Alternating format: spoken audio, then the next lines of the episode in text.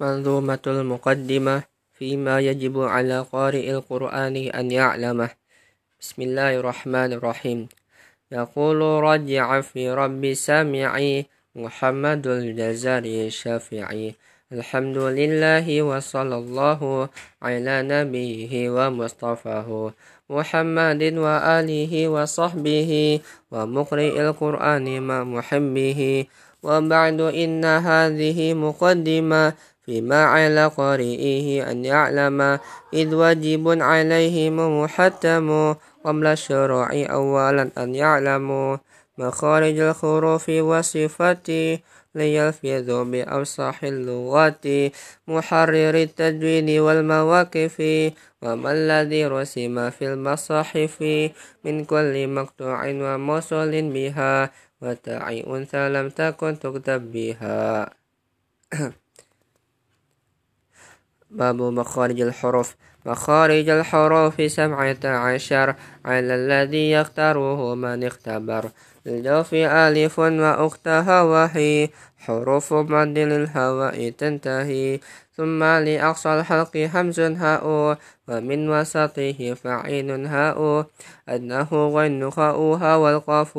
أقصى اللسان فوق ثم الكاف. أسفل والوسط فالجيم الشين يا والضاد من حفته إذ وليا. ندرس من أيسار أم يمناها واللام أدناها لمنتهاها.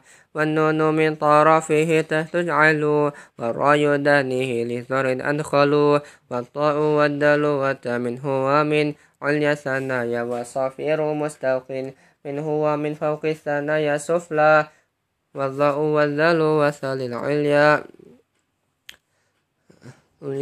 من طرفيهما ومن بطن الشفة والفم أطراف الثنايا المشرفة للشفتين الواو باء ميم وغنة مخرجها الغيشوم باب صفات الحروف.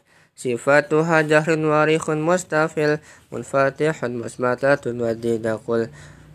محموسها فحثه شخص سكت شديدها لفظ أجد قاتل بكت وبين ريخ وشديد للعمر وسبعه منه وصال كنكدها صار وصاد ضاد طاء ضاء مدبقة فرمل بالحروف مدلقة صفيرها صاد وزي سين والقلة قطب جدد واللين والواياء سكين والفتح قلم إلا مي وروى بتقريج التبشير باب التجويد والأخذ بالتجويد حد مجمل لم يصح القرآن. أثم.